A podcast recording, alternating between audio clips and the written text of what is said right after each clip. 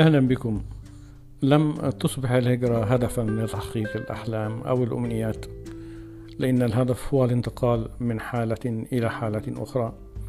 يتحقق من خلالها الغرض منها.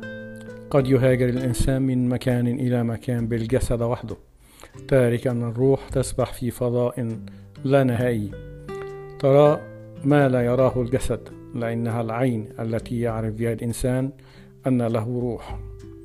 وعند الهجرة دائما ما نترك الروح تتنفس في مكان الميلاد لأنه هو جسدها وإن فارقته فالموت آت.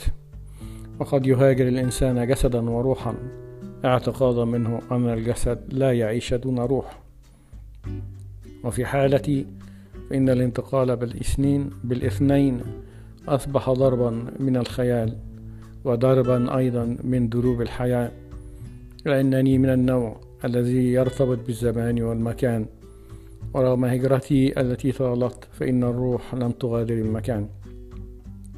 وقد نقبل قصرا الخيار الأصعب لمتطلبات الجسد التي لا ولن تتوقف. لأن انتزاع الروح من المكان أشبه بانتزاع الروح من الجسد.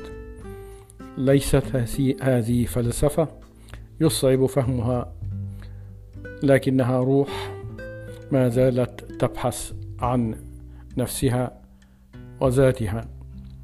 نعرف أن هذا الاختيار يسبب الكثير من الألم لأن مع هجرتك ستلحق أرواح أخرى إلى هذا الفضاء اللانهائي ولن تراها مرة أخرى. هذه الأرواح الطاهرة هي التي تصحبك في كل مكان وزمان. تدعو لك وتحيطك بستار فولاذي من ابتهالاتها لله أن يحفظك. من منا لم ترافقه روح أمه وأبيه. في كل خطوة يخطوها. وصلت بنا رحلة الحياة إلى منتهاها.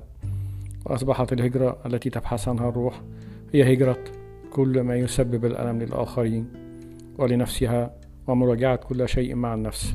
نعم أحب التنقل والترحال. وزيارة أماكن لم أتمكن من زيارتها ولكن يبقى هناك مكان تأمل الروح في زيارته, في زيارته لتنعم بكل ما فيه وتتطهر من جديد. شكرا لكم ولحسن إصغائكم وإلى لقاء في حلقة أخرى إن شاء الله.